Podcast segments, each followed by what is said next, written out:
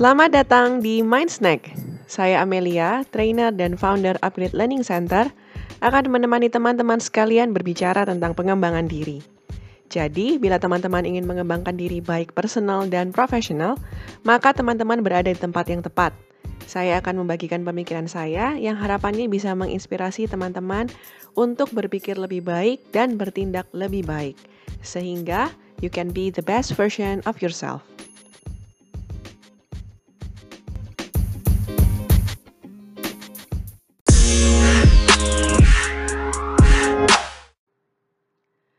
Di episode kali ini, topik bahasan kita adalah resist to reactive, alias menahan diri supaya kita tidak jadi reaktif karena emosi terutama. Sebelum kita mulai, saya mau sedikit cerita tentang pengalaman saya. Suatu ketika saya dengan teman saya, kita jalan-jalan bareng naik mobil dan gak sengaja nyerempet motor. Entah kita yang nyerempet, entah motornya yang nyerempet, pokoknya di kejadian begitu deh di jalan raya. Selesai kita menyelesaikan urusan itu, teman saya cerita, pokoknya Mel, kalau kamu di jalan raya, nomor satu kalau terjadi kejadian seperti tadi, kamu harus gertak orang itu duluan. Karena kalau udah urusan kecelakaan di jalan, siapa yang gertak duluan, itu yang menang. Nah, perkataan teman saya itu saya pikir, saya pikir, saya renungkan, apa benar ya kita harus gertak duluan? Untuk menunjukkan posisi kita bahwa kita yang benar, sementara orang lain yang salah. Apa benar ya dengan kita menggertak duluan, maka kemungkinan kita akan menang dalam argumentasi. Nah, teman-teman, banyak sekali dari kita berespon secara reaktif, terutama apabila hal-hal itu menyentuh emosi kita. Contoh paling sederhana saat kita berargumen dengan orang terdekat kita, misalnya dengan pasangan atau dengan orang tua, ada perkataan-perkataan mereka yang mungkin menyakiti kita atau menyentuh emosi kita, maka kita akan sangat mudah untuk kembali melontarkan reaksi yang penuh dengan emosi. Marah misalnya, berteriak misalnya. Which is normal, karena dengan kita berteriak atau kembali marah, sebenarnya somehow kita merasa itu mempertahankan ego kita bahwa itu mempertahankan posisi bahwa aku nggak salah. Kadang juga itu bisa membuat kita uh, merasa kita menang gitu ya. Jadi perasaan ego ini tuh disenangkan dengan respon-respon kita yang sifatnya reaktif. Padahal ujung-ujungnya setelah argumentasi yang penuh dengan emosi yang reaktif itu tadi, ujung-ujungnya kedua belah pihak tidak ada yang merasa menang pada akhirnya.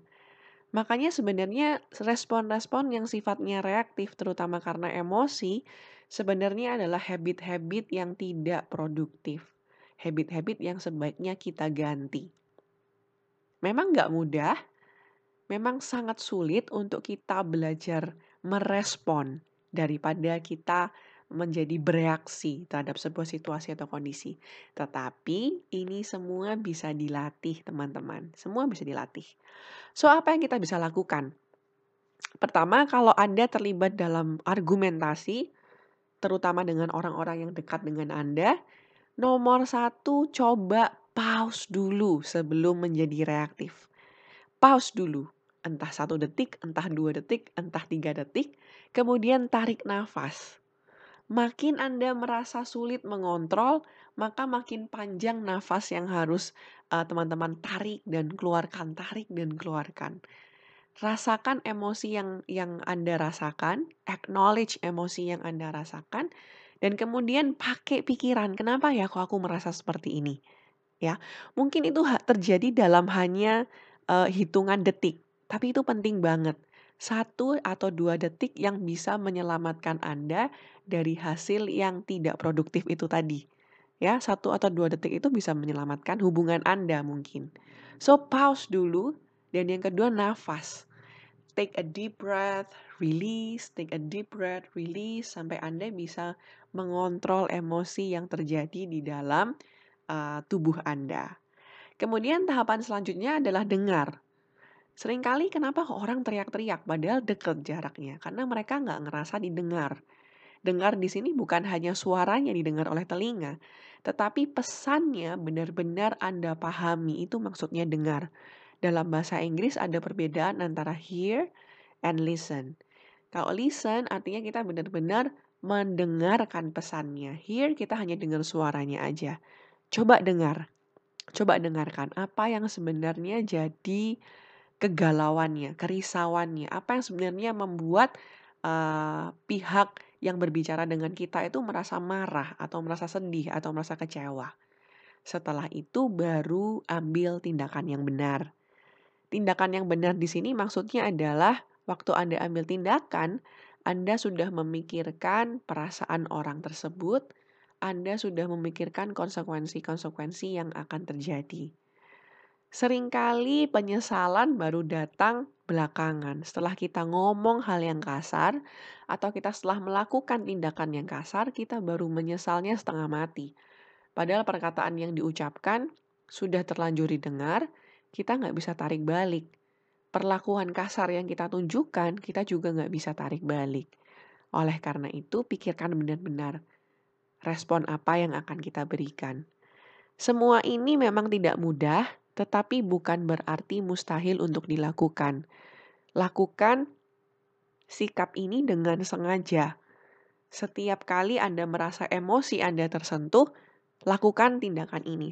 Sering, setiap kali Anda merasa terjebak untuk bersikap atau merespon dengan reaktif, lakukan hal ini. Pause dulu, nafas, dengar, baru kemudian bertindak. Makin Anda banyak berlatih, makin Anda bisa mengontrol. Makin Anda banyak berlatih, makin Anda bisa dengan sengaja taruh pause sebelum Anda bereaksi. Jadi ingat ya teman-teman, do not let your emotion make your decision. Jangan sampai kita akhirnya menyesali apa yang kita lakukan atau katakan. Selalu ingat bahwa relasi itu penting banget. Apalagi biasanya kita terlibat argumen dengan orang-orang yang penting buat kita. Oleh karena itu jangan sampai apa yang kita katakan atau yang kita lakukan pada akhirnya menyakiti pihak lain dan akhirnya kita sendiri juga menyesal pada ujung akhirnya. So, take a deep breath, listen, and take a deliberate action.